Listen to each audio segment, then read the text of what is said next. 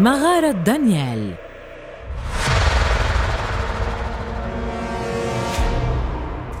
لكل شيء نريد تعلمه مدرسة. للطب مدارس وللفنون والآداب مدارس ولكل المجالات مدارس نستطيع من خلالها تعلم كل ما نريد. لكن هل سمعت أن للسحر مدرسة؟ ليس السحر الترفيهي الذي يفرح به الأطفال. بل السحر الأسود. نعم يوجد مدرسة لتعليم السحر الأسود وهي في عالمنا العربي. وهي كهف أو مغارة. مغارة دانيال ودروس السحر الأسود. المغرب العربي. وتحديداً في جبل يقال له كاهنة حيث يوجد في هذا الجبل عدة كهوف ومغر. أحد هذه المغر مشهورة بشكل كبير. ليس فقط في المغرب بل في العالم تقريباً. مغارة دانيال ستكون مقصدك الوحيد إذا ما أردت تعلم وأخذ فنون السحر الأسود الشيطاني. فهي مغارة يبلغ عمقها الإثني عشر كيلومتراً. ويقال أن فيها نبع ماء عذب لكن دخول هذه المغارة ليس بالسهولة التي نتخيلها. هذه المغارة تبقى مغلقة طيلة أيام السنة حيث أنه يوجد على مدخلها صخرة كبيرة عظيمة لا يستطيع أحد تحريكها حتى لو اجتمع عليها الناس. هذه الصخرة يحرسها ويثبتها الجن ويفتحونها فقط في يوم واحد من السنة وهو ليس بيوم محدد. لذلك ترى جموع من يريدون تعلم فنون السحر مرابطين هناك إلى أن يتم فتحها ويدخلون أخيرا. ما إن يفتح الباب ويدخل الطلبه حتى تغلق عليهم مرة أخرى.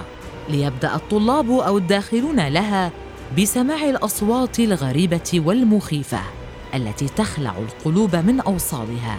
فيقال أنهم يشاهدون الغيلان المتعطشه للدماء ويقال أن الأرواح الشيطانية تلازمهم.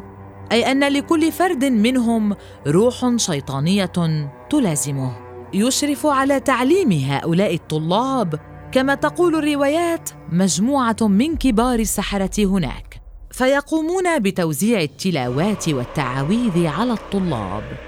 للبدء في قراءتها. ومن يخطئ في قراءتها يتلقى لطمة أو ضربة على جسمه. ولكن هذه الضربة ليست من أستاذه بل هي من الجن أو الروح التي تصاحبه. ليموت الكثير من الطلاب هناك حرفيا من شدة الرعب الذي يختبرونه ويشاهدونه. أما من حالفه الحظ وبقي حيا فإنه حتما سيفقد عقله من الخوف ويبقى طيلة حياته حبس هذه المغارة المتشعبة. يبقى الطلاب في هذه المغارة لمدة تسع شهور تقريبا ويحملون معهم الطعام الجاف القابل للتخزين مثل اللوز والجوز والتين. وعند التخرج من هذه المدرسة أو المغارة يسمح للطلاب بالخروج منها ولكن ليس بالطريقة التي نعرفها. فيحرس هذه المغارة أحد أعتى وأقوى خدم الجن. وبطبيعة الحال فإنه يعلم من الطالب الذي خولت له براعته وذكاءه من النجاح في المغارة. ليكون الأمر على باب المغارة انتقائيا بحيث من لم يخرج منها سيبقى فيها طيلة حياته. يبيع دمه للعفاريت لكي تشربه مقابل الطعام. هذا إن كان الحظ حليفه. فيمكن أن يأخذ لطمة من الحارس توقعه جثة هامدة على الأرض. بعد أن يخرج الطلاب الناجحون يحصلون على خدم أقوياء من الجن ليكونوا عونهم في حياتهم العملية. وعادة ما يكون خريجو هذه المغارة هم من أقوى وأخطر السحرة على ظهر الأرض.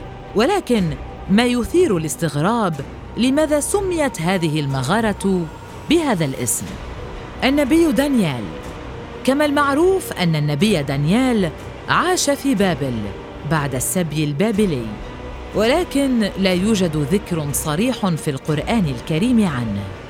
فقط هناك بعض الأحاديث النبوية الشريفة التي قالت أن دانيال هو نبي من أنبياء بني إسرائيل.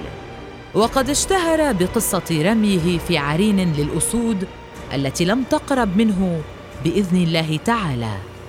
كما ذكر النبي دانيال في الكتاب المقدس سفر دانيال فهناك القصة المشهورة عن حلم نبوخذ ناصر الذي رأى فيه تمثالا كبيرا مصنوعا من المعادن فسقط عليه حجر جعله هباء منثورا. ولم يبق من هذا التمثال سوى الصخرة التي وقعت. ليقوم نبوخذ بجمع سحرة ومنجمي بابل لتفسير الحلم. فأعطوا التفسيرات التي لم ترضي الملك فساقهم إلى الموت. ليظهر النبي دانيال ويفسر حلم الملك فيما كان يبدو أشبه بالنبوءة. ليشتهر بعدها النبي دانيال هناك. لا معلومات واضحة عن مدى ارتباط النبي دانيال بهذه المغارة لكن هناك رواية تقول أن النبي دانيال كان يمشي ليلا في مكان ما ليظهر له شيطان مارق فيقوم بمهاجمة النبي إلا أن النبي دانيال سرعان ما لطمه لطمة أدخلته المغارة وقام بإغلاق الصخرة عليه. هذه المغارة فيما يبدو حقيقة وموجودة ولكن هل ما يقال عنها من أساطير حقيقي؟ هل فعلا يرتبط اسم السحر في المغرب أو السحر والسحرة المغربيون ذائعو الصيت بها؟ لا أحد يعلم.